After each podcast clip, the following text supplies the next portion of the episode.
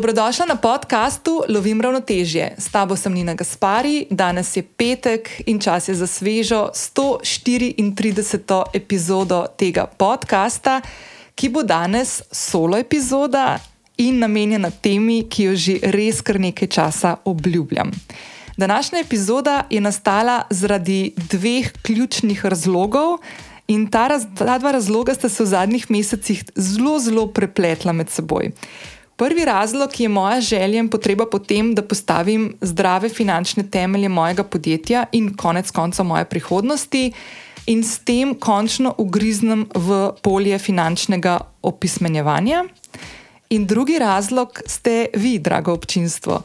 Jaz ne morem povedati, koliko krat sem v zadnjih mesecih, ko sem skozi različne epizode omenjala, da imam na tem področju še kar nekaj izzivov in predvsem zelo veliko neznanja koliko sporočil, želja, prošen sem dobila, da ugriznem v to tematiko bolj konkretno in skozi odkrivanje moje poti in iskanje odgovorov na vprašanja.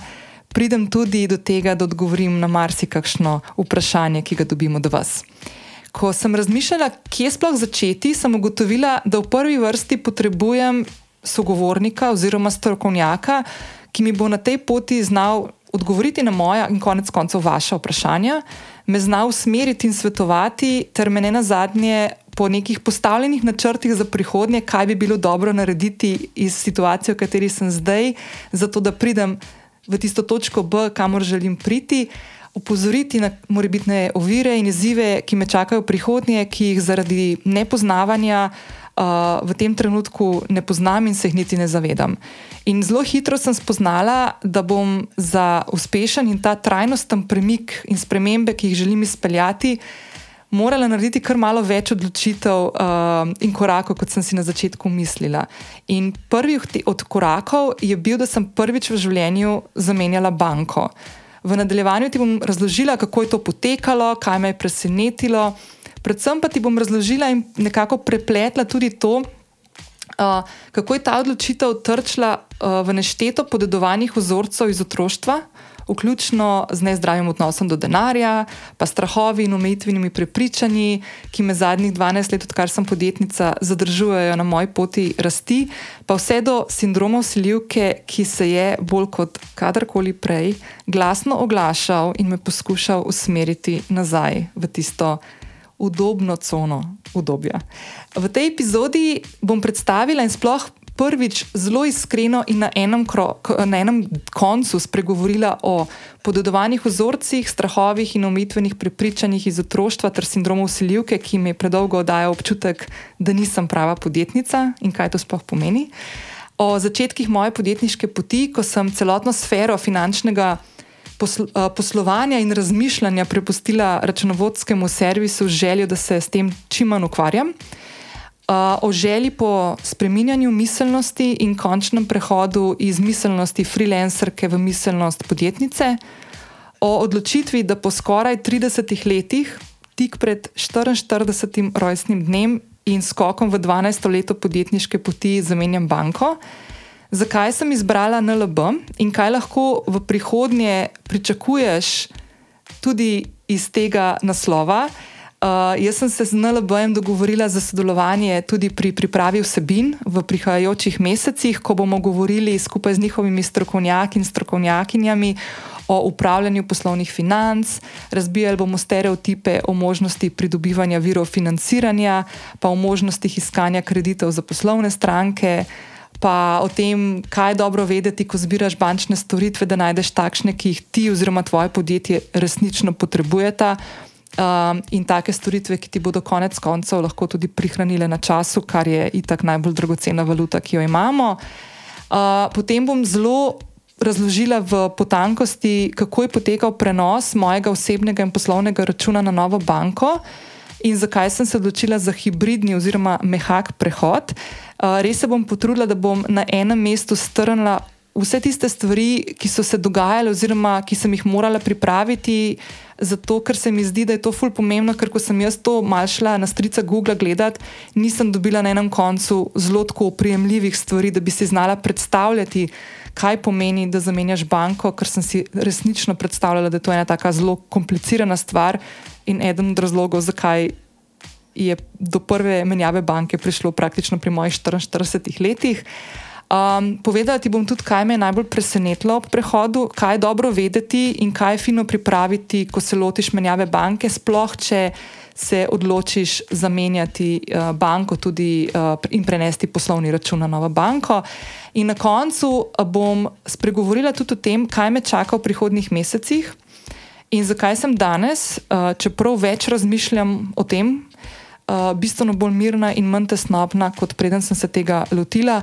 Pa da boš dobro razumela, oziroma razumela, kaj to pomeni, uh, je fajn, da poslušaš naprej, ko bom razložila najprej temelje, ki je slonila moja tesnoba v preteklosti. Uh, Preden skočijo v današnjo epizodo, te vabim, da če še nisi prijavljena na podcast Lovim ravnoteže, to lahko storiš zdaj prek aplikacije, na kateri trenutno poslušaš to epizodo.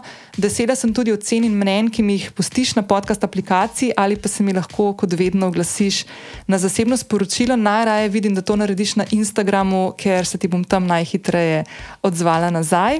S prijavo dajo ocene in mnenja na aplikaciji, pri kateri poslušaš podcast, pa pomagaš, da za ta podcast slišijo tudi tebi podobne ženske in moški. In tudi tokrat lahko spodaj v opisu najdeš povezavo do zapisa epizode, kjer te čaka kar nekaj povezav, ki jih danes omenjam v tej epizodi, da boš lažje se orientirala in našla še dodatne vsebine. Današnja epizoda podcasta Lovim ravnoteže je nastala v sodelovanju z NLB in je prva v nizu epizod, v katerih uh, bom skupaj s strokovnjakinjami in strokovnjaki z NLB odgovarjala na najpogostejša vprašanja podjetnic in podjetnikov, ki se dotikajo poslovanja, vodenja in upravljanja financ. Preden skočiva v uh, vsebino, ki sem jo pripravila za današnjo epizodo, pa še ena mini novička. Za to epizodo sem pripravila tudi nekaj video vsebin. Uh, ena od teh je že na voljo na YouTube kanalu, povezavo do tega kanala pa najdeš v zapisu epizode. Jaz te vabim, da se prijaviš tudi na YouTube kanal, uh, ker bom v naslednjih dneh in tednih objavila še nove vsebine na to temo, ki bodo še dodatno odpirale in zastirale to, to področje, o katerem bo tekla danes beseda Ko sem se v mislih pripravljala na to epizodo uh, in sem razmišljala o tem, kako naj povežem um, te omenjene strahove in omejitvena prepričanja in podedovane vzorce, navade uh, s tematiko današnje epizode, se pravi željo in potrebo po tem, da se finančno opismenim. Uh, sem ugotovila zelo hitro, da bom mogla skočiti v moje otroštvo uh, in predstaviti uh, nekaj zadev, ki so se skozi moje otroštvo dogajale okoli mene in so zelo močno vplivali.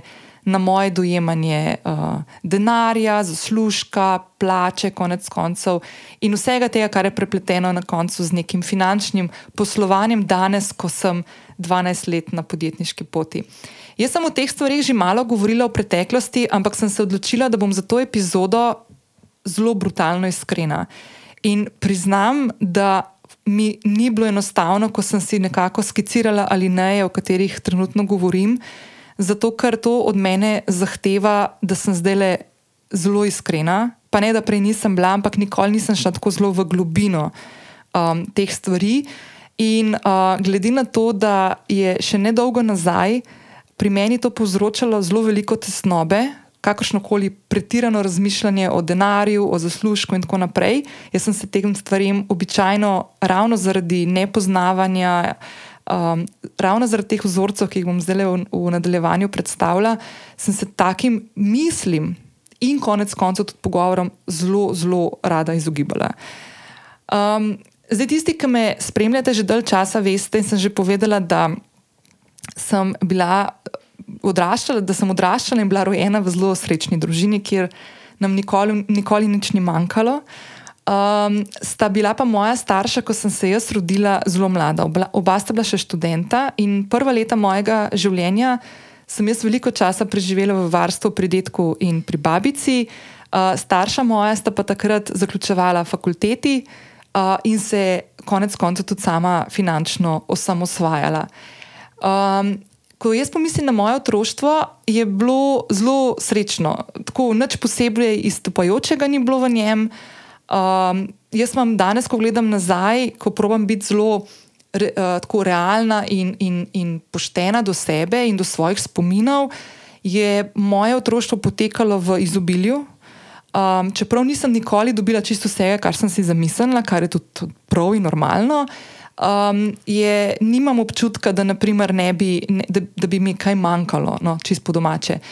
Um, je pa res ena stvar, če se zdaj osredotočim na denar ali pa na finance, ena stvar, ki je bila tako nenehna popotnica, oziroma tako nenehno prisoten uh, dialog, ki se je odvijal v moji družini.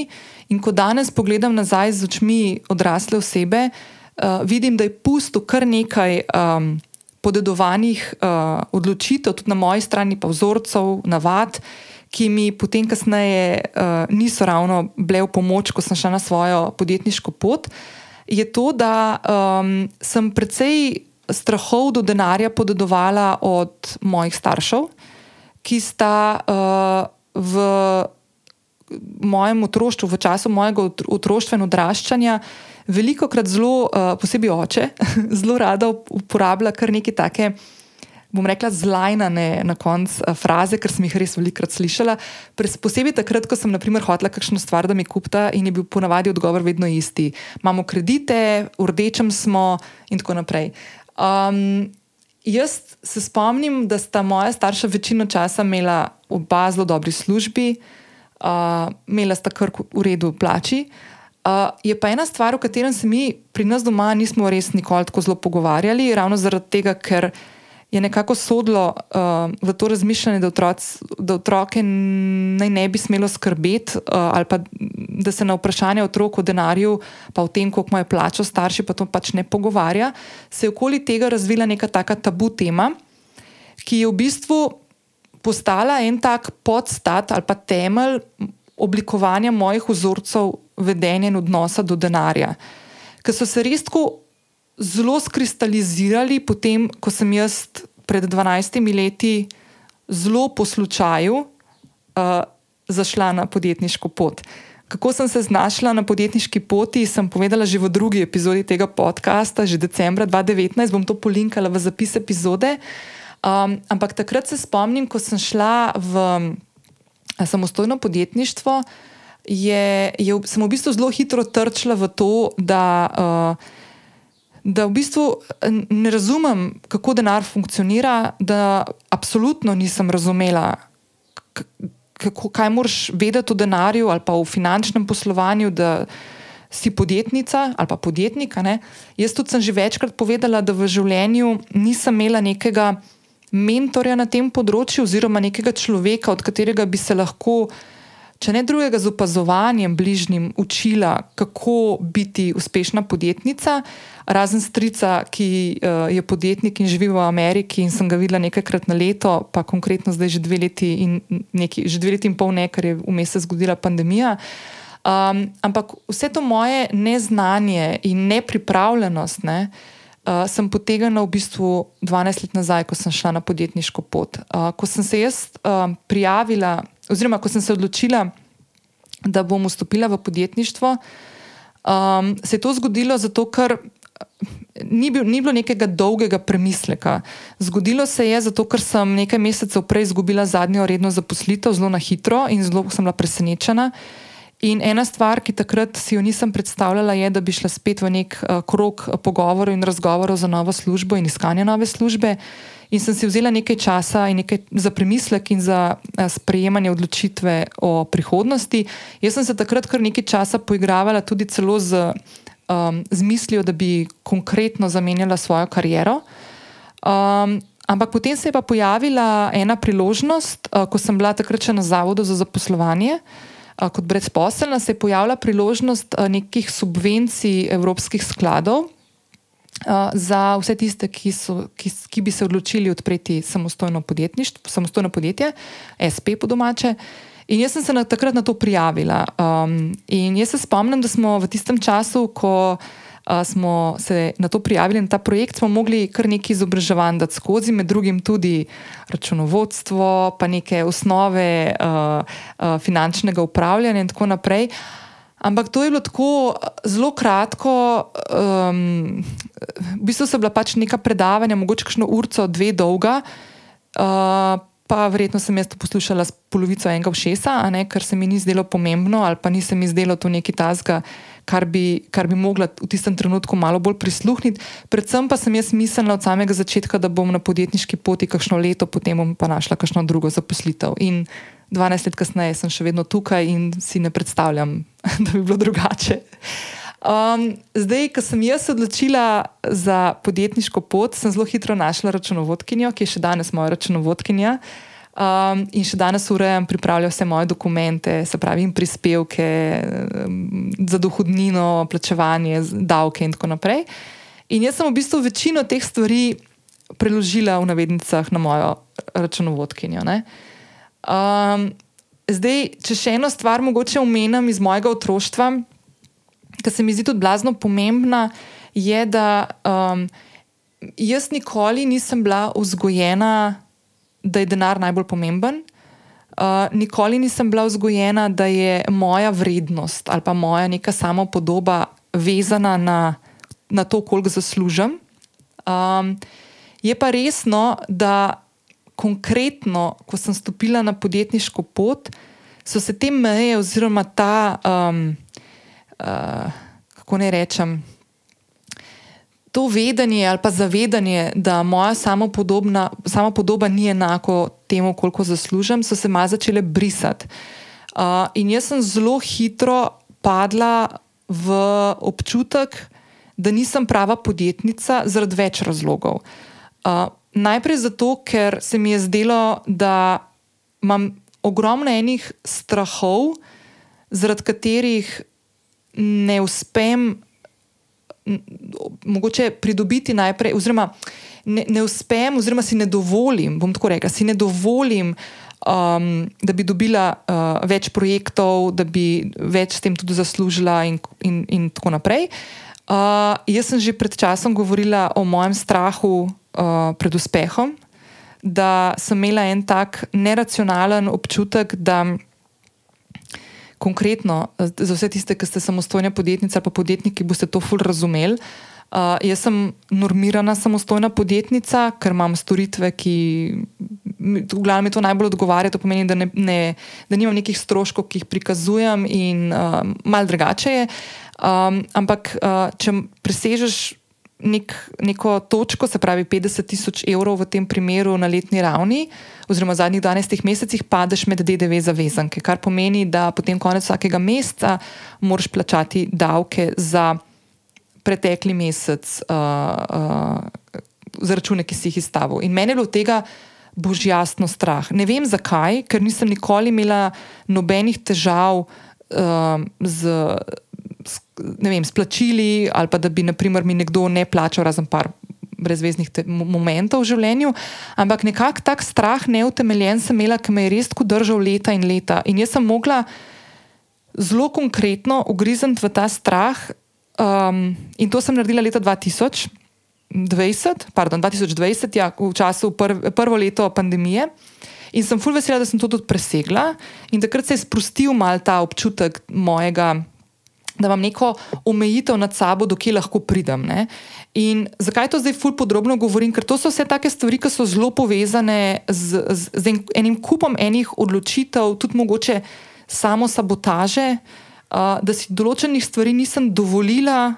Ali jih pa nisem sprejela, ker me je bilo strah, da bom trčila v tisto zgornjo mejo, ki sem si jo dovolila sama sebi, ki sem si jo postavila.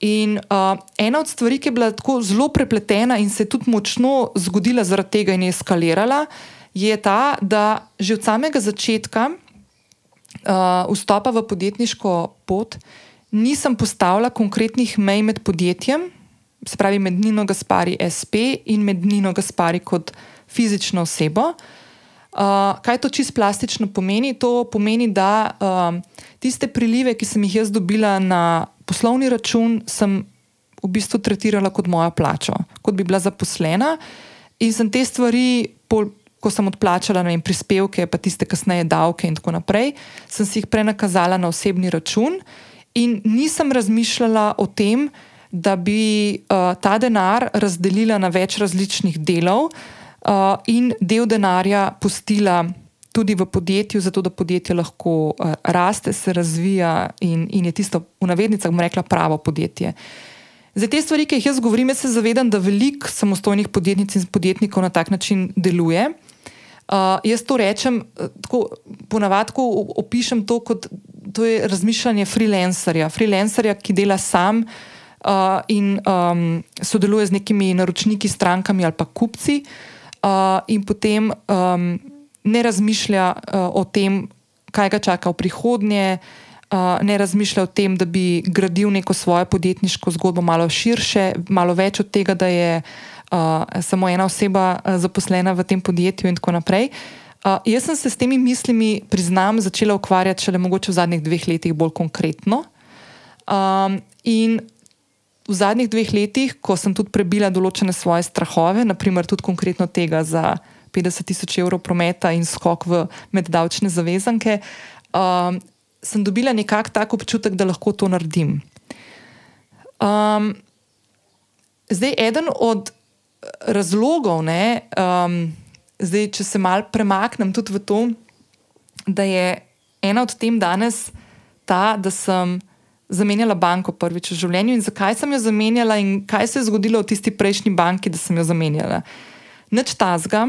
Uh, jaz sem to banko, ki sem jo imela, staro banko v navednicah, podedovala od mojih staršev, ker sta oba imela še nedolgo nazaj tam odprta računa in to je nekaj takega, kot ne vem, po mojem časopisi, tisto, kar smo v družini brali, tisto običajno potem beremo tudi v prihodnosti, ko se osamosvojimo in gremo na svoje. Jaz sem imela z banko podobno zgodbo. Um, ampak ravno zaradi tega občutka, da je denar, oziroma zaslužek, oziroma finance, so nekaj tazga, o čemer se ne govori, o čemer se ne razmišlja, o čemer um, ne vem veliko, da bi sploh lahko si dovolila razmišljati. Uh, jaz nikoli nisem resnično niti pristopila do moje prejšnje banke, da bi se pozanimala ali pa morda odprla nek prostor, da bi se naučila uh, od kakšnega strokovnjaka ali pa strokovnjakinje na tisti banki, um, da bi sprejela mogoče kakšne boljše odločitve za, za preteklost.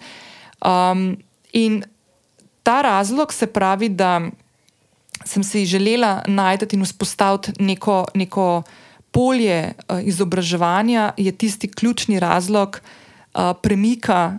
Od teh tudi konec koncev podedovanih vzorcev, pa navad, pa strahov, Um, in konec koncev tega sindroma usiljivke, ki moram povedati, da je zdaj v zadnjih nekaj mesecih, ko uh, sem se o tem odločala in ko sem se konec koncev tudi z NLB-jem pogovarjala, ne samo o tem, da, da premaknem moja dva računa na NLB, ampak tudi o tem, da želim se naučiti, da se želim izobraziti na tem področju, uh, da želim stopiti iz cone obdobja in postati v navednicah prava podjetnica in konec koncev izkoristiti ta moment, da lahko vsebine, ki jih pripravljam, in, in spoznanje, do katerih pridem uh, skozi ta proces, um, predam tudi vam.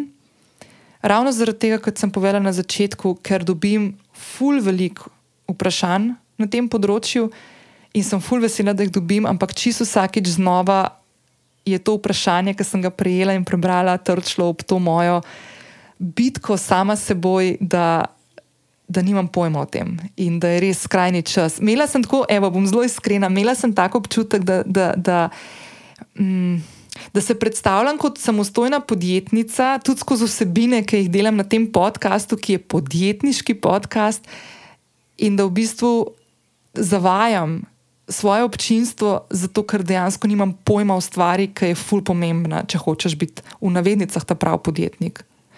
Zakaj rečemo navednica? Zato, ker jaz še vedno mislim, da sem podjetnica zadnjih 12 let, um, si pa želim biti drugačen, oblika, drugačen tip podjetnice. Želim si biti podjetnica, ki bo malce bolj široko razmišljala o sebi, o svojem podjetju, o razvoju, o, o rasti um, in o svoji konc koncev uh, prihodnosti, da bo bolj varna.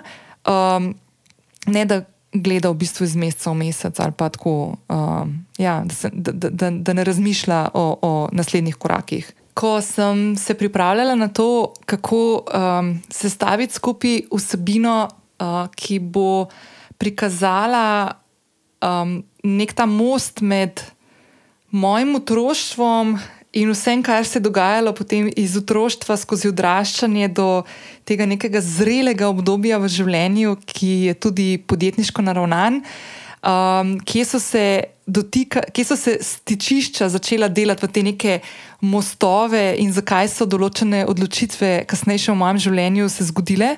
In kje so imele temelje, sem ugotovila, da sem mogla iti ful dolgo nazaj, tako prav res v rano otroštvo. In takrat sem se spomnila na eno stvar, In sicer, da ko sem bila jaz res mečkana, sem imela vrčevalni račun na NLB-ju odprt.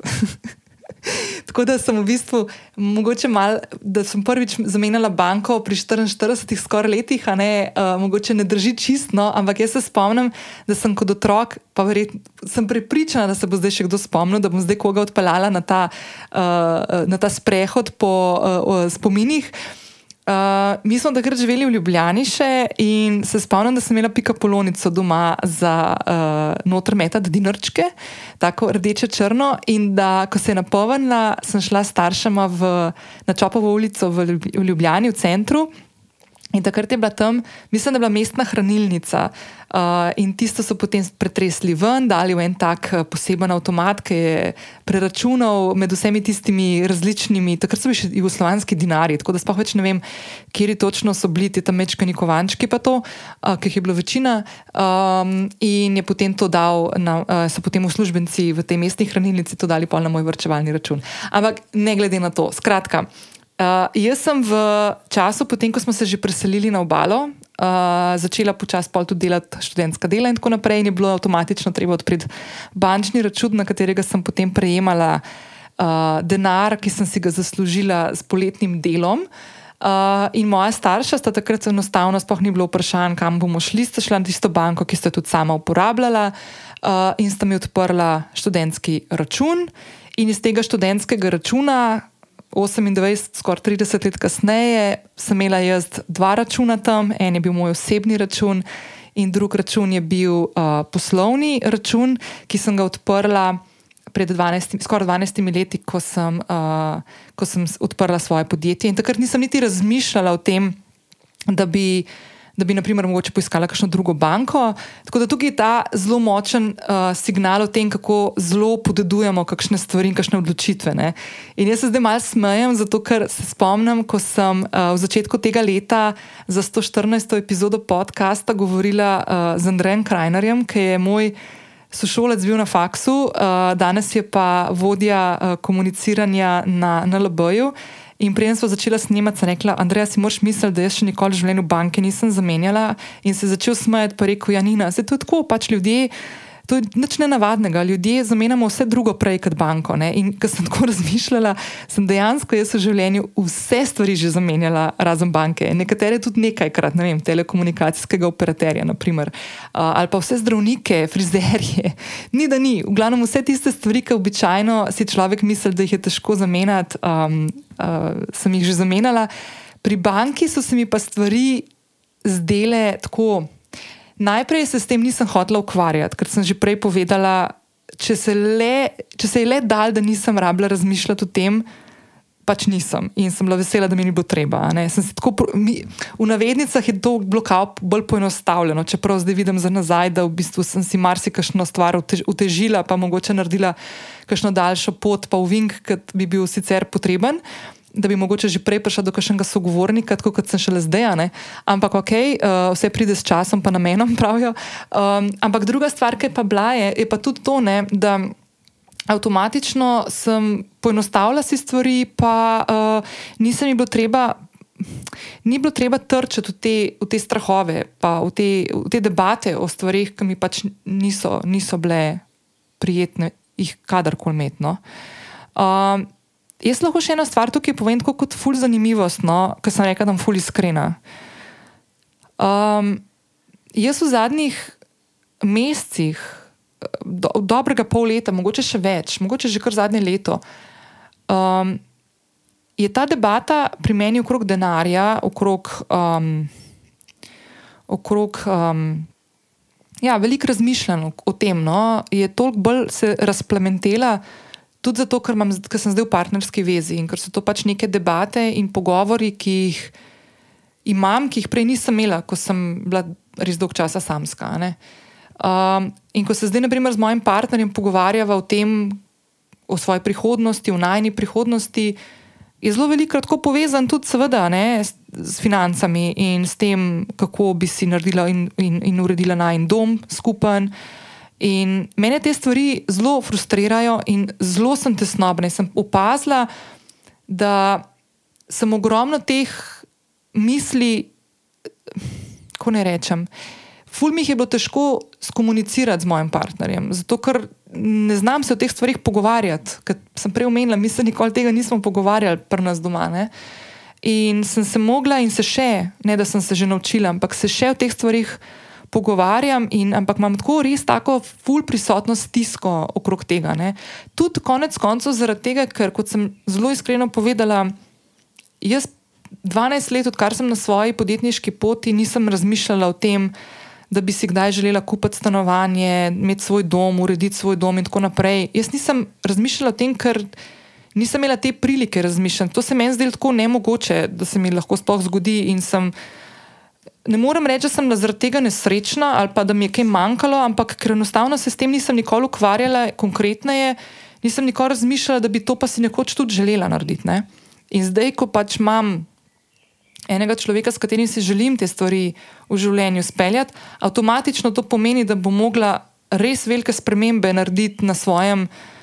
Uh, na področju upravljanja mojih osebnih in poslovnih financ, če bom hotla se v nekoč v prihodnje pogovarjati uh, vem, o, o kakšnih kreditih, stanovanskih in tako naprej. No.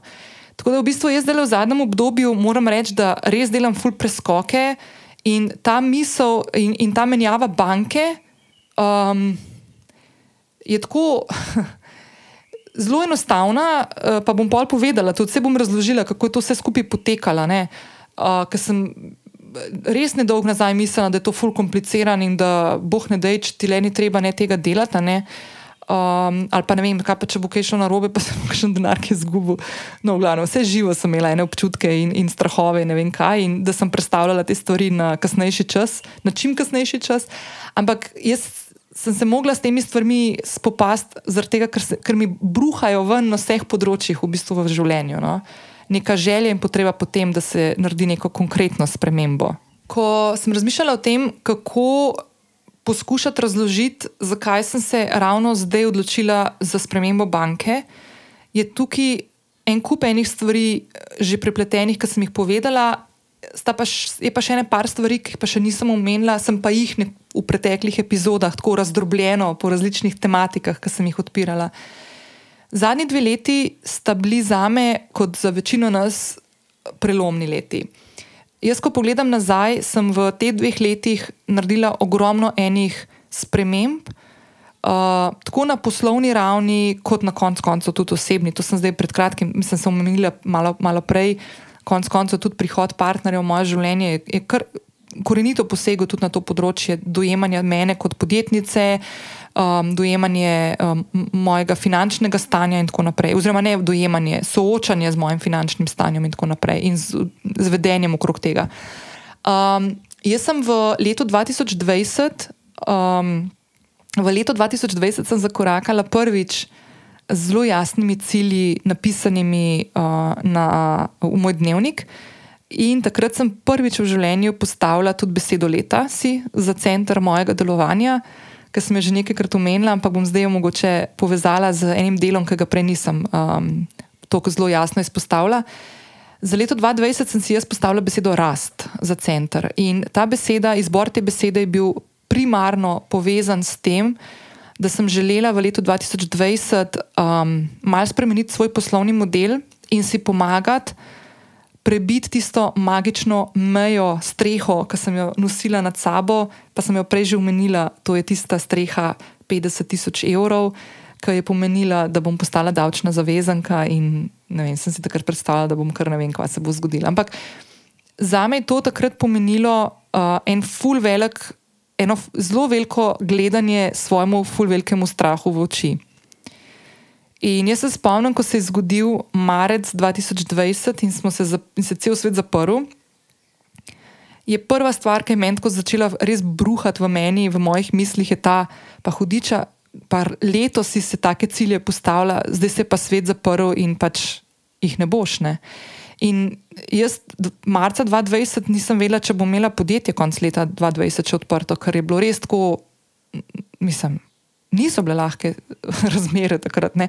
Sploh za nas, ki smo bili taki mali mikropodjetniki in ki gremo iz enega meseca v drugega, praktično. Um, tako da jaz sem full vesela, da sem leta 2020, uh, pa bom tle kar umenila, pa bom pol naprej povedala, zakaj, tudi zaradi NLB-ja. Uh, imela še odprto podjetje, ga imam še danes, ampak predvsem sem prebila to mejo, to streho, prebila ta strah, nič konkretnega, groznega se ni zgodil, še sem bila živa, v bistvu sem bila full fine in zadovoljna. In je bilo to za me, poleg tega, da je bilo to daleč najbolj uspešno poslovno leto z finančnega vidika. Je bila daleč najbolj pomembna stvar, kar se je tisto leto zgodila, prav ta, da sem prebila ta strah. Um, jaz ker sem prej že parkrat omenila, da, da, da v bistvu je moja sama podoba bila zelo pogosto preveč povezana s tem, koliko zaslužim. Jaz nikoli nisem bila vzgojena, da je denar vse. Res ne. Um, in verjamem globoko v sebi, da nobenega človeka tudi jaz ne gledam skozi to perspektivo. Um, ampak je pa vseeno to en tak fulimomemben del, ki je težko reči, da ni pomemben ali pa da, da te ne determinira, oziroma da del samo podobe, oziroma misli, ki jih imaš v sebi, si uspešen, si neuspešen, si dober, si slab, ali ti gre dobro, ali ti ne gre dobro, je avtomatično s tem povezan. Tako da bi, bi se lagala, če bi rekla, da temu ni tako. Zdaj, eh, leto 2020 sem jaz prebila, sem zrastla in ker sem si želela v letu 2021 uh, stopiti uh, tudi na teh uh, krilih rasti, sem si dala besedo pogum uh, za besedo leta ki sem jo tudi, moram reči, tudi sem zelo vesela, da sem jo uh, uporabljala. Doskrat zelo ne vede, čisto iskreno, pri nekih uh, svojih odločitvah, ki so bile zelo pogumne na osebni in na poslovni ravni. Uh, in se tako ta beseda res fulepo prepletla potem tudi v moje poslovanje lansko leto, ko sem v bistvu začela. Počasi premikati moj poslovni model iz uh, storitev, ki sem jih upravljala, in področja, na katerem sem delala zadnjih 20 let, v neko čisto novo področje. Uh, in to je, da sem začela ustvarjati uh, vsebine uh, za moje kanale, vsebine, ki jih pripravljam za vas z velikim veseljem, in je to v bistvu postala neka taka rdeča nit mojega poslovnega modela. Uh, in tukaj sem se spet uh, mogla soočati z zelo velikimi takimi preskoki iz neke cone obdobja, iz neke cone strokovnosti, ki mi je bila poznana. In ko sem jo imela, tako sem imela občutek, da jo fully obvladam v neke nove, v neke nove oblike uh, dela, uh, ki sem se jih začela, začela dobro spoznavati pred kakšnima dvema letoma in pol, ko sem v bistvu začela malo bolj konkretno na tem področju delati. In um, jaz sem za letošnje leto si postavila novo besedo in to je transformacija. In avtomatično je s to besedo prišlo zelo velik skokov iz to neobdobja. In jaz moram reči, da letošnje leto je za me fulno naporno leto. Um, zato, ker sem nenehno postavljena nekaj, na neke preizkušnje, ko moram uh, poskušati slediti uh, tej moji odločitvi uh, po transformaciji in po nekih novih uh, stvarih in izzivih in spremembah, in bi se tako rada, da oskrat res zatekla nazaj v neko covno obdobje in se vrnila, mogoče še en korak nazaj. Uh, uh, pa me pol take odločitve um, malo ustavljajo in v bistvu sem vesela, da me eno, ampak ja, je kar, je kar naporno. In zdaj v luči vsega tega, kar se dogaja in v luči tega, da si želim um, neke transformacije in rasti in postavljanja nekih zdravih temeljev za neko trajnostno podjetniško pot v prihodnje, uh, avtomatično tukaj sem mogla začeti konkretneje razmišljati o tem, da res končno najdem nekega sogovornika, strokovnega sogovornika, ki mi bo pomagal pri tem, da grem skozi te spremembe, ki mi bo znal svetovati o korakih ali pa odločitvah, ki so najboljše za me, ki bo ne na zadnje imel pogled v moje poslovanje od zdaj te točke zero um, in mi pomagal potem iskati načine. Um, Sprejemanje odločitev, ki bojo za me dobre, in za moje podjetje, in me mogoče tudi upozoril, seveda, tudi na stvari, ki lahko nekje v prihodnje se zgodijo na podlagi teh odločitev, in, in jih mogoče jaz zaradi svojega nepoznavanja, predvsem ne vidim, ne opazim in se jih niti ne zavedam, večinoma. No. Um, jaz sem res si želela najti nekoga, ki bo pokazal neko. Um, celostno uh, razumevanje in dinamiko mojega poslovanja, ker uh, imam malo posebno poslovanje. Jaz nimam nekih rednih teh uh, prilivov, ampak zelo projektno delam. Um, in je fulj pomembno, da imaš na, na drugi strani, sploh v obliki nekega bančnega svetovalca, osebo, ki te stvari razume. Um, da imaš nekega sogovornika, ki te spremlja skozi daljš, daljši čas in daljše obdobje, ker sigurno se bom jaz v prihodnje znašla v neki točki, ko bom iskala neke vire financiranja, pa je lahko to na osebnem ali pa na poslovnem delu, uh, in bo to prišlo full prav, da pač nekdo vidi, kaj jaz delam, kako počnem, uh, da sem uh, zanesljiva oseba, da znam širše razmišljati, da razmišljam tudi o prihodnosti. Pa konec koncev, no, kar sem tudi večkrat omenila in sem probavala, pa mi ni glih najbolj šratalo, da se pač naučim tudi tega, da um, ne samo da razmišljam kot podjetnica, ne več kot freelancer, kar sem prej omenila, ne, da naredim to razmejitev med Nino Gaspari in Nino Gaspari SP. Ampak da ugriznem tudi v to polje vrčevanja, mogoče kasneje tudi v polje investiranja, in da imam pri tem nekoga, ki bo mi znal te stvari, um, ja, da mi bo pomagal te stvari v bistvu razložiti, pa nakazati, kje je koraki ali odločitve bi bile za me najbolj optimalne. Zdaj, naslednja točka, ko sem se odločila, da, da želim zamenjati banko in zdaj katero banko izbrati za novo banko, je bila odločitev zelo na dlani. No? Um, zdaj, preden grem pa razložim, zakaj sem se odločila za NLB. Bom šla še en korak nazaj, pa bom povedala še to, da jaz, ko sem sprejemala to odločitev, um, sem jo sprejemala iz dveh vidikov. Prvi vidik je ta. Sebičen, da sem se želela jaz uh, povezati z banko, ki mi bo pomagala postaviti neke zdrave temelje, ki me bo spremljala v prihodnje, ki mi bo znala svetovati pri različnih odločitvah na moji podjetniški poti, in tako naprej. Uh, Uh, druga stvar je pa ta, da sem želela najti tudi nekega sogovornika na strani banke, uh, ki mi bo pomagal to mojo izkušnjo in prihajajoče korake in izkušnje, ki jih bom dobivala zaradi te odločitve, ki sem jo sprejela, uh, prenesti v nek tak jezik, ki bo tudi vam pomagal. Se pravi, da bom jaz na vsa tista nešteta vprašanja, pa prošnje, pa želje, ki mi jih pošiljate, da ne ugriznem v to tematiko, da mi bo res pomagal to tematiko razvijati z nekimi odgovori in konec koncev vsebinami, ki bodo vam prišla prav. Um, jaz s NLB-jem sodelujem že od pomladi 2020. Uh, jaz se spomnim tistega dneva, pa to, ni, to nisem nikoli povedala uh, uh, mojim kolegicam in kolegom na NLB-ju. Jaz se spomnim, mislim, da je bil začetek maja, dva, ne, april 2020, ko sem dobila vabilo za sodelovanje na projektu Okvir pomoči, ki so ga uh, leta 2020 pripravili na NLB-ju in njihovi agenciji Internauti. In ko so mi predstavili projekt po Zoomu, sem jaz imela kurjo pot. Zato, ker ta projekt je že od samega začetka združeval dve moji zelo veliki strasti, in to je podpiranje slovenskega podjetništva kar je konec koncev tudi eden od razlogov, zakaj se je podcast, eh, podjetniški podcast Lovim Ravnoteže zgodil, ker sem želela dajati prostor podjetniškim zgodbam v povezavi z nekimi življenjskimi zgodbami. In druga moja velika strast so slovenski mediji. Um, kako je te stvari na LB združil? Uh, v sklopu projekta Okvir pomoči so se zadnji dve leti predstavljali mali in mikropodjetniki iz vseh koncev Slovenije in to v poletnih mesecih leta 2020 in 2021, ko so predstavljali svoje podjetniške zgodbe na oglasnih površinah, ki jih je NLB odstopil in v bistvu te, s tem naredil full veliko podporo v obliki pozornosti uh, nas, kupcev, strank, naročnikov, uh, da smo spoznali določene slovenske podjetniške zgodbe, ki jih drugače ne bi.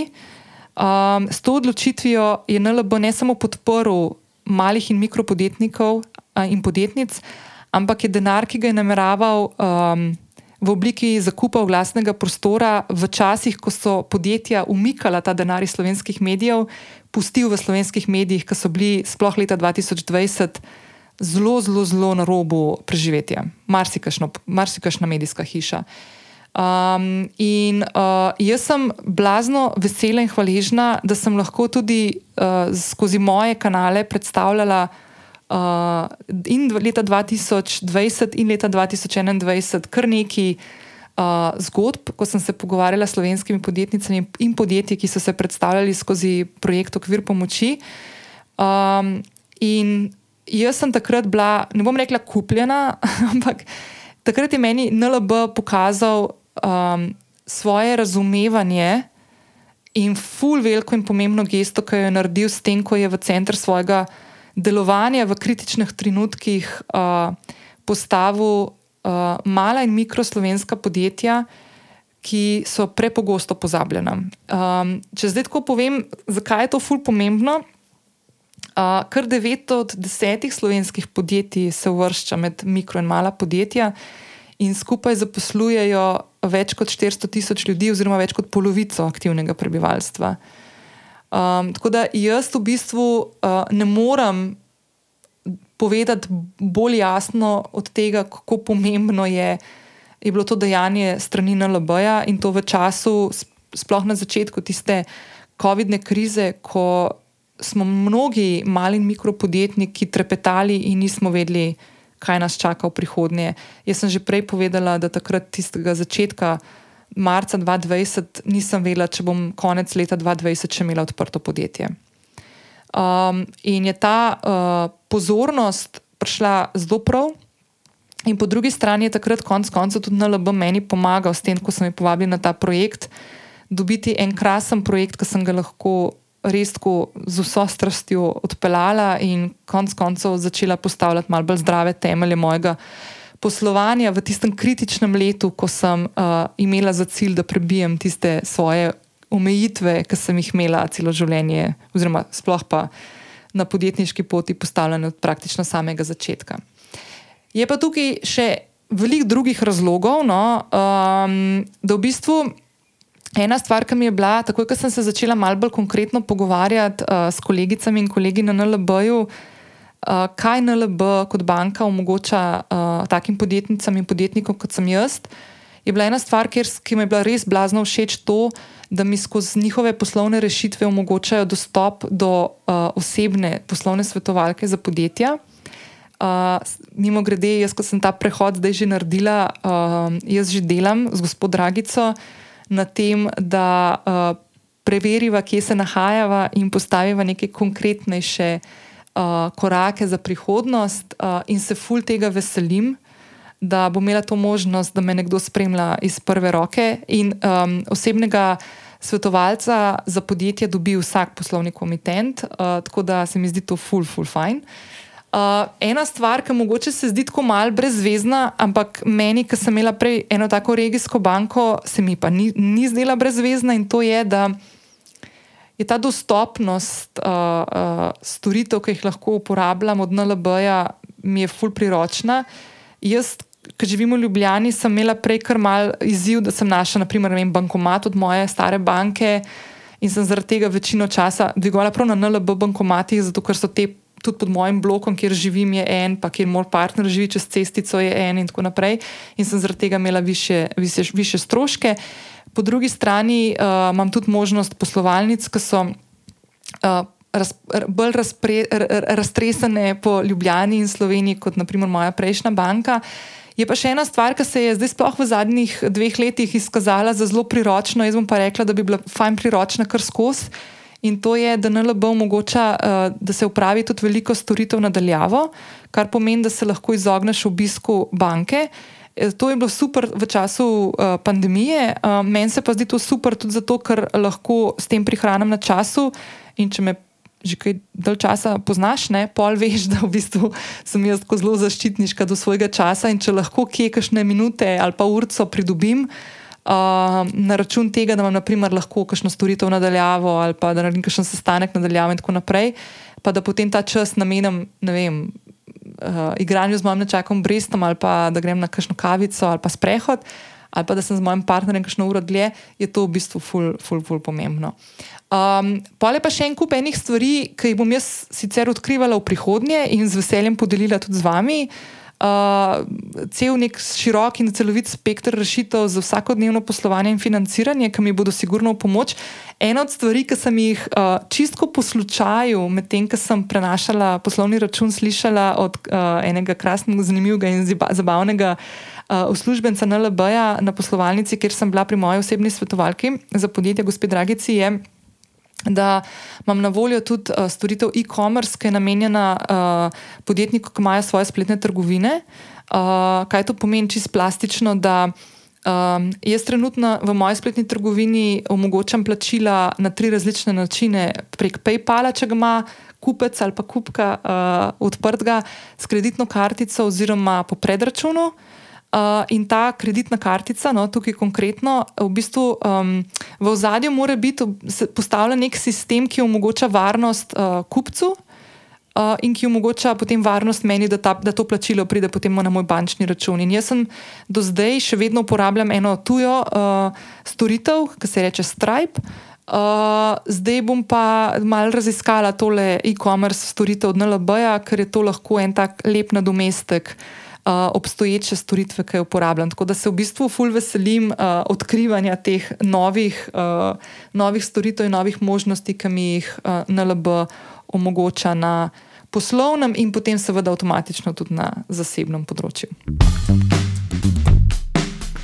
Preden ti še povem, kako je potekal prehod na NLB, se pravi na novo banko, in to na tak način, da ti bom poskušala odgovoriti na vse stvari, na vsa vprašanja, ki sem jih tudi sama imela, pa jih mogoče nisem tako strnjena na enem kupu dobila, da bi mogoče to odločitev sprejela že hitreje. Ti želim predstaviti še NLB pakete za poslovne stranke, kasneje ti pa zaupam še, katerega sem jaz zbrala. Vsaka podjetnica in podjetnik, ne glede na svojo velikost in hitrost rasti podjetja, potrebuje zanesljive in vedno pri roki bančne storitve, ki ti omogočajo enostavno, ugodno in priročno poslovanje. V NLB so v ta namen razvili tri pregledne pakete, ki vključujejo storitve, ki jih najpogosteje uporabljamo in najbolj potrebujemo pri vsakodnevnem poslovanju, upravljanju financ in iskanju priložnosti po dodatnih finančnih virih. Vsaka poslovna stranka NLB za učinkovito realizacijo svojih poslovnih ciljev dobi tudi neposredni dostop do svetovalca. Moja svetovalka za podjetje je gospod Dragica. Uh, in vse dodatne informacije in predstavitev samih rešitev, ki ti bodo kar najbolje odgovorili na vsa tvoje vprašanja in potrebe, najdeš na nlb.si, pošiljka poslovni minus paketi. Zdaj pa podiva naprej, da ti razložim in ti odgovorim na vse stvari, ki te mogoče zanimajo, kako izgleda prehod. In prenos uh, poslovnega in tudi osebnega računa stare banke na novo, v mojem primeru na NLB. Zdaj, kako je ta prehod oziroma prenos uh, računov iz stare banke na NLB izgledal? Jaz sem zdaj tako potrudila in res opisala zelo podrobno, uh, kako to izgleda, ko odpiraš na novi banki nov osebni in poslovni, v mojem primeru, račun. Uh, zato, ker se mi zdi, ne vem, jaz sem si tako ful želela, da bi te stvari. Imela nekje zabeleženo od nekoga, ki je to že dal čez, pa da bi mogoče potem te stvari poenostavile uh, Uh, ne sam prehod, ali pa predvsem tudi odločitev o tem, da to ni tako neka bau-bau zadeva, kot sem si jo jaz mogoče v glavi takrat predstavljala. Uh, pa da bi mogoče tudi imela že kakšne stvari vnaprej pripravljene, ki sem jih mogla predložiti, oziroma poslati kasneje, po mojem prvem obisku, uh, moji bančni svetovalki. Zdaj, um, jaz, uh, kot samostojna podjetnica, bi sicer lahko imela en račun, uh, to mi omogoča zakon o davčnem postopku.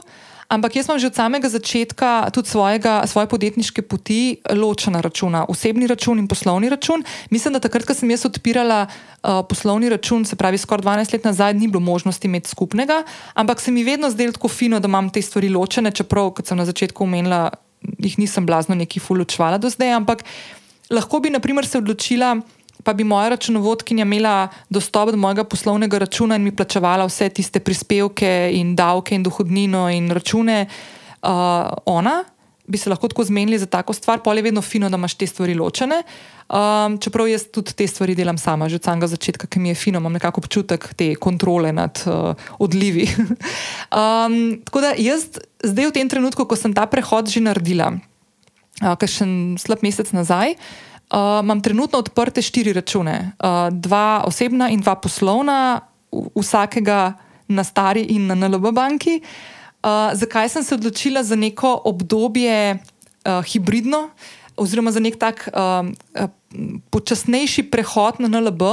Zelo enostavno. Bom šla najprej na, osebno, na, na osebni račun. Uh, Um, NLB mi kot novi komitentki omogoča trimesečno brezplačno vodenje izbranega paketa. Jaz sem se odločila med tremi različnimi paketi in sem zbrala ta največjega premium, ki ima en kup enih stvari, ki mi pridejo prav. Um, obdržala sem pa še star račun, odprt uh, in ga bom pustila odprtega za te tri mesece. Zakaj?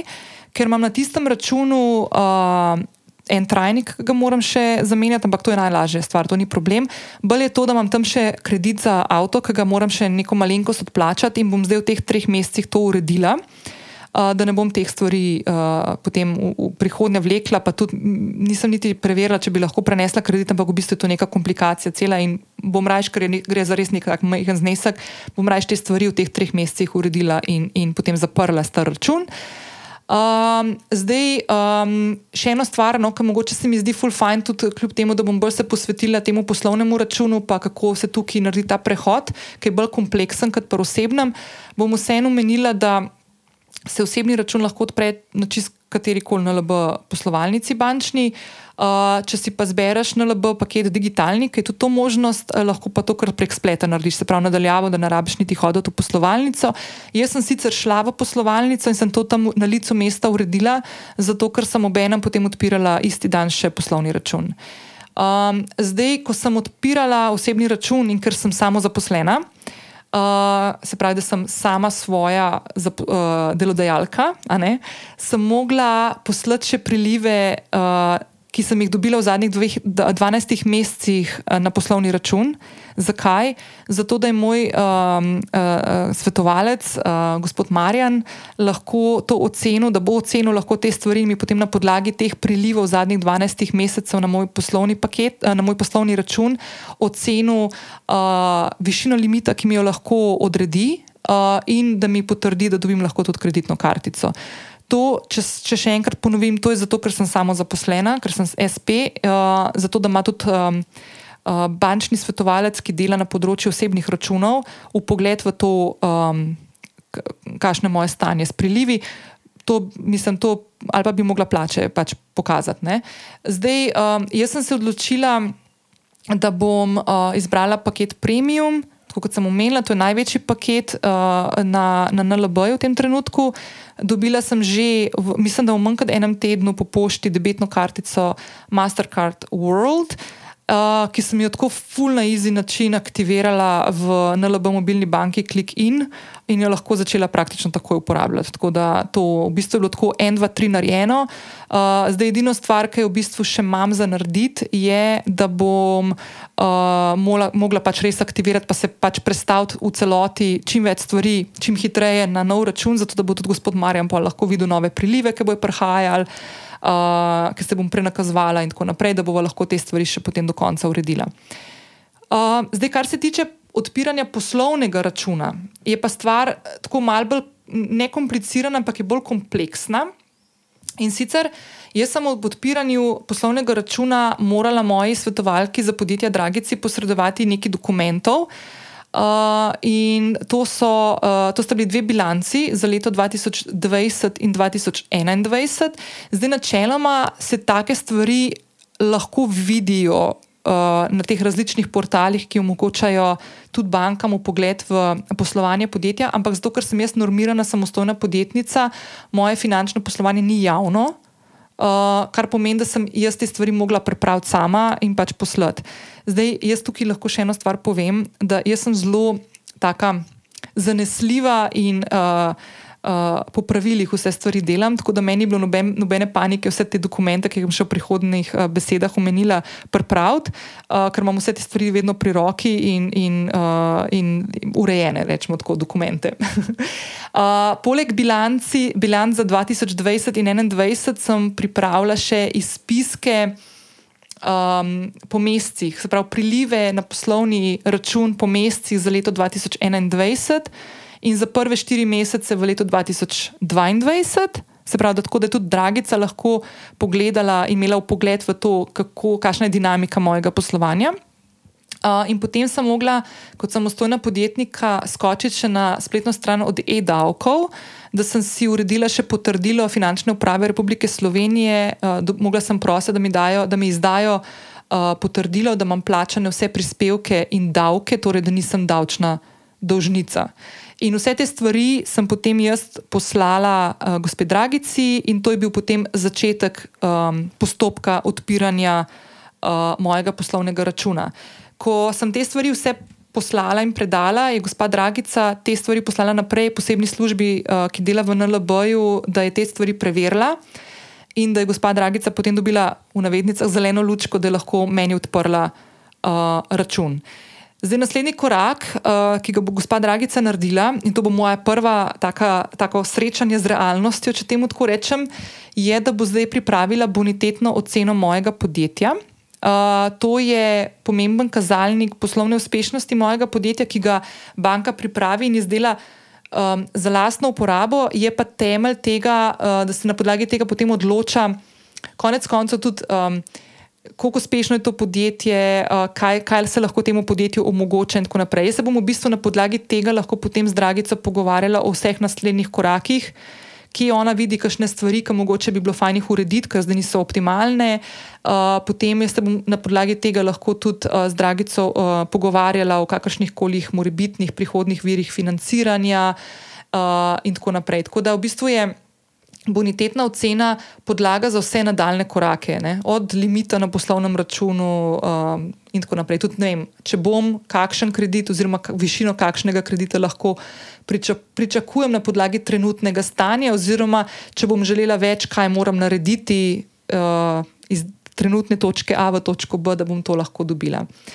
Zdaj na poslovnem delu sem jaz zelo hitro aktivirala še mobilno banko uh, ClickPro ki tle moram eno stvar povedati, ki se mi je zdela ful pomembna. Um, pa tukaj je spet mal ta stvar navad. Jaz sem na stari banki imela tudi dve aplikaciji, eno za poslovni račun in eno za osebni račun. In meni se je v zadnjem obdobju uh, malo zakomplicirala situacija, ker so aplikacijo za osebni račun posodobili in je meni kar mal veliko težav povzročala, zato ker sem pač kot creature of habit bila navajena ene stvari. In ko sem slišala, da ima NLB tudi dve mobilni banki ločeni, se pravi, ločena za poslovni in ločena za osebni, sem kar mislila, jo, spet, spet, spet. Ampak dejansko sta obe banki, čeprav sta ločeni, obe ti aplikaciji, sta zelo podobno logiko. Uh, in uporabniško izkušnjo, ki sem jo prej res pogrešala, Uh, in mi je full fajn, ker full prihranim na času, da ne rabim za razmišljati. Ker tam sem mogla nekje upisovati neko geslo, drug, na drugem sem imela uh, ta Face uh, ID recognition, uh, tam je bilo drugače postavljeno zaporedje teh raznih storitev, ki mi jih je aplikacija omogočila na eni ali pa na drugi ravni. Tukaj je vse v bistvu zelo enostavno, pregledno in kljub temu, da v bistvu jaz zdaj te dve mobilni banki, ClickPro in uh, ClickIn uporabljam mogoče kakšen slab mesec imam občutek, da jih uporabljam že full dolg čas in je bilo v bistvu full, full easy. In evo, tle še ena točka, da prehraniš na času, pa čeprav gre za tistih nekaj par minut, jaz ne vem, lahko tri maile odgovorim v mestnem času. Um, zdaj, še ena stvar, ki je bila meni full všeč, to sem se v bistvu full bala, oziroma to se mi je zdelo, da bo full kompliciran, da bo imela full enega letanja. Uh, ko odpreš nov poslovni račun, konkretno jaz pri NLB, je NLB to sporočil tudi vsem v navednicam organom, ki morajo te stvari vedeti. To je IPS, finančna uprava in tako naprej. Uh, to pomeni, da naprimer, uh, preden sem jaz sploh dobila poslovno kartico po pošti od NLB-ja, sem že imela vseh teh, na vseh teh spletnih straneh objavljen nov račun, številko računa z dnevom, ko je bil odprt. Uh, to je ful fino, zato ker naprimer, jaz doskrat, ko dobim novega naročnika, naprimer, ne, uh, in potem izdam račun, grem jaz velikrat, jaz grem konkretno najlažje to na bizi. Uh, in preverim, naprimer, da so vsi podatki, ki jih upišem v račun, se pravi, davčna številka tega naročnika, matična številka in tako naprej.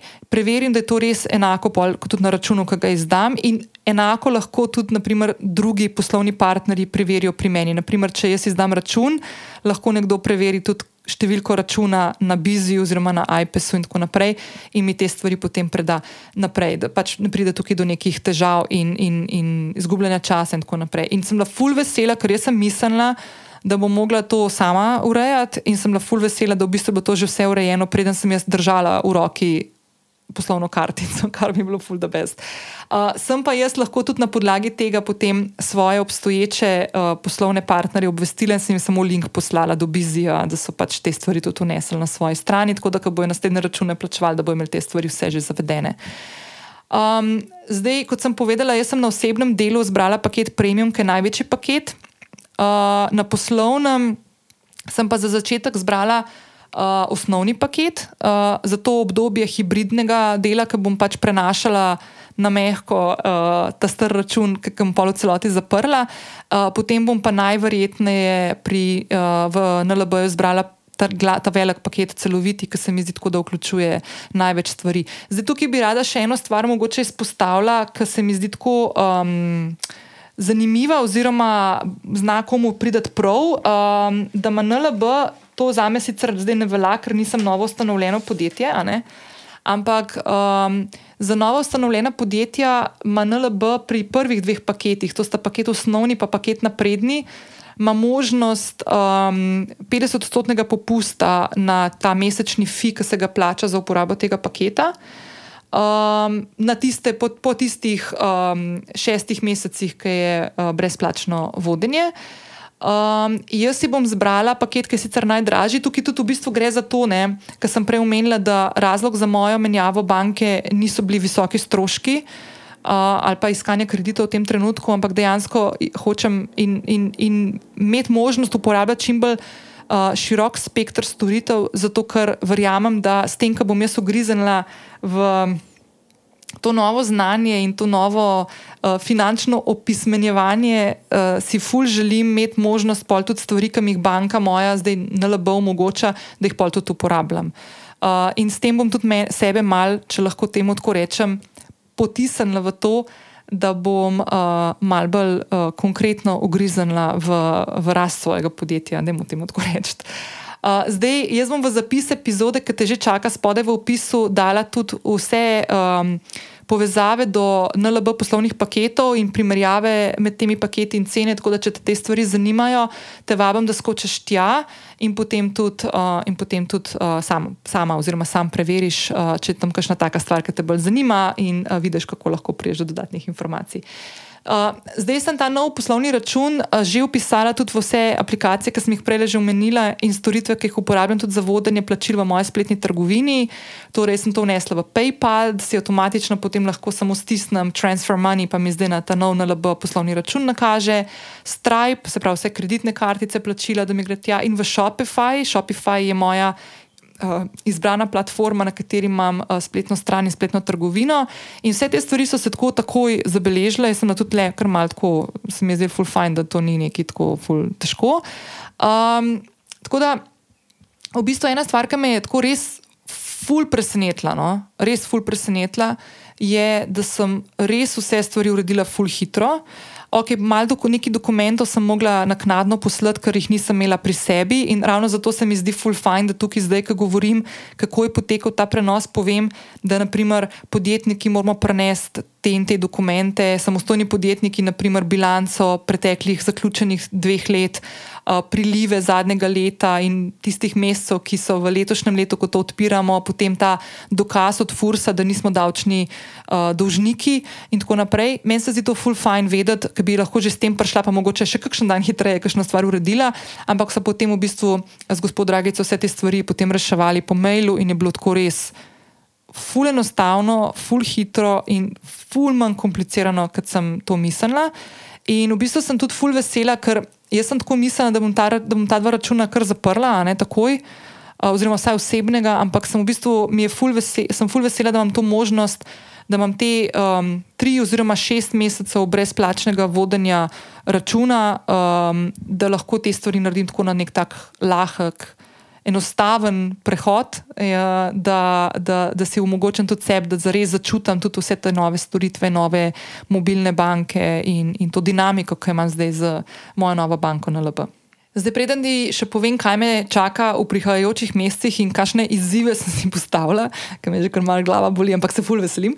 Uh, ti bom še ne ene par stvari povedala, ker sem odprla poslovni račun pri NLB, sem gospod Dragica prosila še, če ima mogoče še kakšne take uporabne pa zanimive informacije, ki lahko tudi te pridejo prav, uh, če boš in ko boš razmišljala o odpiranju novega poslovnega računa.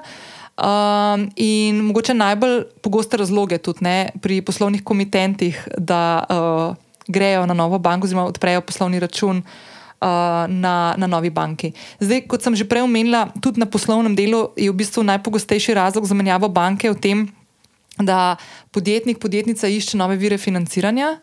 Uh, zdaj, vsak poslovni komitent mora predložiti dokumente, ki sem jih že omenila, in sem jih mogla tudi sama, se pravi, bilance, potrdilo FURSA, izpiske prilivov na poslovni račun. In potem se za vsako to podjetje, novo podjetje, pripravi bonitetna ocena, ki je pol podlaga za vse kasnejše pogovore o kreditih, limitih in tako naprej. Zdaj, če si, na primer, lastnica novo ustanovljenega podjetja, ti bo NLB prišel nasproti z nižjimi cenami dveh od treh poslovnih paketov, ki jih ponuja svojim poslovnim komitentom. Če boš pa iskala financiranje, bo pa tvoje podjetje moralo delovati vsaj šest mesecev, uh, da dobi možnost pridobitve finančnih sredstev. Zdaj, v teh šestih mesecih bo v bistvu banka spremljala tvoje finančno poslovanje, dinamiko tega poslovanja, in v bistvu se bo med vama uh, razvil tudi nek odnos, ki bo podlaga temu, da se potem uh, lahko podjetnica oziroma podjetnik pogovarja o nekih novih virih financiranja. Še ena stvar, oziroma vprašanje, ki ga dobi vsak nov poslovni komitent, sem ga tudi jaz dobila in je ful dobro vedeti, da imaš pri sebi podatke oziroma odgovore. In to je, uh, kdo so tvoji najpomembnejši ali pa največji poslovni partnerji oziroma stranke ali pa kupci, približna ocena letnega prometa. Um, to je vedno full fine vedeti, no, da imaš, uh, sploh če nimaš pri sebi, naprimer, teh prilivov v roki, kot jih jaz nisem imela, ko sem šla osebno tja. Um, pa tudi konec koncev ta napoved. Se to niso zdaj te stvari, ki so zabetonirane, ampak ne vem, ne boš rekla, da boš delala milijon, če veš, da boš naredila. 100 tisoč ali pa kontra. Mislim, to so tako dve taki točki, ki je vedno full fine, da, da, se, da se jih ima v rokavu, uh, pa mogoče ne samo takrat, ko greš bančni račun odpirati, ampak to je nek tak um, pogled v to, da veš, kje se nahajaš, pa kam želiš, uh, kam želiš v prihodnje. Zdaj, na koncu, ne, kaj me čaka v prihajajočih mesecih, oziroma kaj sem si zadala. Um, jaz bom v bistvu zdaj naslednje mesece, do konca letošnjega leta, večino energije usmerila v to, da bom svojemu podjetju omogočila to rast, uh, ki sem si jo že zadala nekje na začetku leta. Um, in da bom v bistvu zelo močno spremljala in bila pozorna na to, da spremenjam vzorce razmišljanja, ki sem jih danes večkrat omenila. Se pravi, da se ne bom zatikala na nekih starih vzorcih, navadah, omejitvenih prepričanjih. Um, Jaz sem poskušala čim bolj uh, se imeti interne dialoge z mojo, z mojo uh, partnerico v življenju in to je ta krasen sindrom usiljivke, ki ga imamo čisto vsi in ki nam tako doskrat reče: Ne, to pa nisi sposobna narediti, kaj pa misliš, da si. Uh, tako da to so naprimer stvari, ki bom jaz zdaj tako res zelo pozorno uh, spremljala. Uh, zdaj z gospod Dragico, mojo svetovalko na NLB, v jeseni konkretneje pogledali moje finančno poslovanje, cilje za zadnji kvartal in napoved za leto 2023, in se ful veselim, da bom v bistvu dejansko prvič v življenju se tega bolj konkretno lotila. Ne samo nekega načrtovanja leta, tako kot smo se pogovarjali decembra lani, ker sem tudi pripravila vodič za postavljanje ciljev, ampak da bom dejansko z osebo, ki je strokovnjakinja na tem področju, postavila bolj konkretno oprijemljive. Eh, načrte, tudi mogoče malo bolj razdeljene po kvartalih ali pa mesecih, uh, da, da bom tudi vedela, kaj me čaka, kaj, kaj pride s temi stvarmi, kaj pride z rastjo. Uh, in da bom pač znala se na te uh, stvari potem odzivati, na spremembe, na morebitne ovire, uh, in tako naprej. Um, zdaj, jaz sem se v luči sodelovanja z NLB-jem odločila, da bom v prihodnih mesecih pripravila kar nekaj vsebin, po katerih me tudi vi največ sprašujete in sodijo ta, v ta segment finančnega opismenjevanja. To je od upravljanja osebnih in poslovnih financ. Eh, tukaj bo poudarek predvsem na podjetnicah in podjetnikih teh malih in mikropodjetniških zgodb. Eh, potem bomo skupaj razbijali strokovnjaki iz NLB stereotipe o možnostih pridobivanja virov financiranja. Uh, govorili bomo tudi o kreditih za samostojne podjetnike, naprimer, in tako naprej, ali jih lahko dobimo ali ne, kot se velikokrat sliši, pa o tem, kaj dobro preveriti, ko iščeš uh, nove bančne storitve, da najdeš take, ki jih res potrebuješ. um, da so za tvoje podjetje prave in da ti bodo konec koncev tudi prehranile na času in tudi na denarju. Zdaj, moja, moja želja je, no, da v letošnjem letu do konca leta postavim neko tako trajnostno naravnan temelj svojega podjetja, da ločim sebe od podjetja in da s tem mojemu podjetju pomagam, da raste tako, kot si zasluži. Um, gotovo ena od stvari, ki me bodo pri tem vodile, je želja potem, da si s partnerjem urediva tudi svoj nov dom. Tako da bom ful veliko energije usmerila v to, da postavim neke svoje. Uh, neko svoje finančno poslovanje in upravljanje financ v te okvirje, ki mi bodo omogočili, da kot samostalna podjetnica, potem na banki, pridem in se pogovarjam bolj konkretno, konkretno tudi o tem. Um, in jaz se bom v naslednjih mesecih veliko ukvarjala s tem in pripravljala vsebine. Uh, pogovarjala se bom s strokovnjaki in strokovnjakinjami iz NLB in bom tudi tebi dala možnost, da boš postavila kakšno vprašanje, da bomo res tudi ta vprašanja izpostavili v pogovoru in našli čim več odgovorov na ta vprašanja. Zato da, bomo, da se bomo vsi skupaj naučili malo bolj razumevati uh, to zdravo vodenje in upravljanje financ, uh, in da uh, se v bistvu da, da se izobrazimo, no? vsi skupaj, ne samo jaz. Uh, tako da se tega ful veselim uh, in ful se veselim, da, um, da bom v bistvu postavila stvari, ki so mi še nedolgo nazaj bile nepredstavljive, da bi se z njimi ukvarjala ali pa preveč razmišljala o tem v nek center svojega delovanja, zato da bom um, se razbremenila v bistvu enega kupa enih tesnobnih občutkov, ki so me čist preveč dolg časa držali v svojih krempljih. Um, in mi, mi v praktično res, kot da nazaj pogledamo, onemogočali marsikakšno odločitev, ki bi bila lahko ful dobra tudi na poti rasti mojega podjetja in mene kot podjetnice. Tako da se ful veselim in še bolj se pa veselim tega, da bom lahko tudi tebe vzela sabo na pot. Uh, da se bomo malo bolj uh, lahko konkretno pogovarjali o teh stvarih, tudi na način, da mi je kakšno stvar znala pa tudi odgovoriti sama, kam dobila kakšno vprašanje od vas na zasebna sporočila. Tako da to je to, jaz sem full vesela. Um, ful me je bilo strah ugrizniti v to debato. Um, tudi uh, govoriti o tem, tudi ko sem videe snemala, ki bodo, uh, eden je že na YouTubu, naslednji bojo še prišli, ker sem govorila o teh stvarih še v video kamero. Uh, ful mi ni bilo enostavno se um, v navednicah razgaliti na tem področju, zato ker um, ne vem, se mi zdi, da se mi kot družba itak o teh stvarih uh, ne znamo pogovarjati, oziroma um, kako ne rečem. Jaz res sem imela ful močno uh, prisoten ta strah, da bom razkrinkana, da nisem prava podjetnica in kdo misliš, da si, tle le govoriš o podjetništvu, pa pojma nimaš o osnovah. Um, in v bistvu mi je bilo tako, ful mi je bilo tega strah, zdaj pa, ker sem dala to za sabo, ker je to za mano, moram reči, da sem se tako ful razbremenila enih stvari, ker ponovadi je tako temu tako, ker greš iz neke te cone obdobja uh, je brutalno, uh, težko včasih, ampak uh, ful potrebno, ker um, odpade en kup enega balasta. Uh, ki je bil prisoten, pa se mogoče niti nisi zavedala tega, da, da, da nosiš to na svojih ramah in plečih. Tako da sem full vesela, no, da je s tem, s to odločitvijo, ki se gleda tako zelo enostavna. In jaz verjamem, da tisti, ki ste se že lotili menjave banke, se mogoče smejete, tle zdaj, kot to kar neki, ne? ampak res, ne vem, no, meni se, men se to vedno zdelo ful kompliciran in, in, in, uh, in, in dolgotrajno, in sem ful bila presenečena.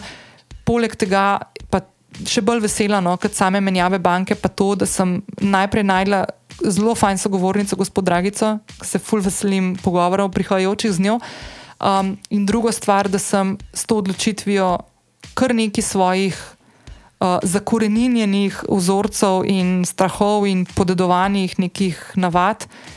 Uh, ne presegla, ne bom rekla, da sem jih že kar presegla, ker to niso tako enostavne stvari, kot menjava banke, ampak da sem se začela s tem res ukvarjati in da imam občutek, da imam nek nadzor nad tem, um, nad tem tudi pač kako upravljati s tem no? in, in kako um, sama sebi najdete neke odgovore, da umirim te držljaje, ki se zgodijo ob tem, ko te tesnova malo jame. Tako da, evo, to je to. Jaz sem full vesela, da smo prišli do konca, uh, full bom vesela kakšnih mnen, pa vprašanj in tako naprej. Uh, bom kmalo tudi odprla možnosti za postavljanje vprašanj na različne tematike finančnega opismenjevanja, ki sem jih danes nekajkrat že omenila v tej epizodi. Uh, in uh, se bomo slišali kmalo. Zdaj le poletje, jaz si bom verjetno tako mal prvoščal tudi kakšen dopust uh, in bom verjetno ne bo čisto vsak petek epizoda na sporedu, ampak bo pa tako vsaj na dva tedna. Uh, tako da se bomo mal spočili. Uh, enako želim tudi tebi, uh, ker bomo rabili full energije, polkar septembra, tiste zadnji kvartal bo, bo krdil.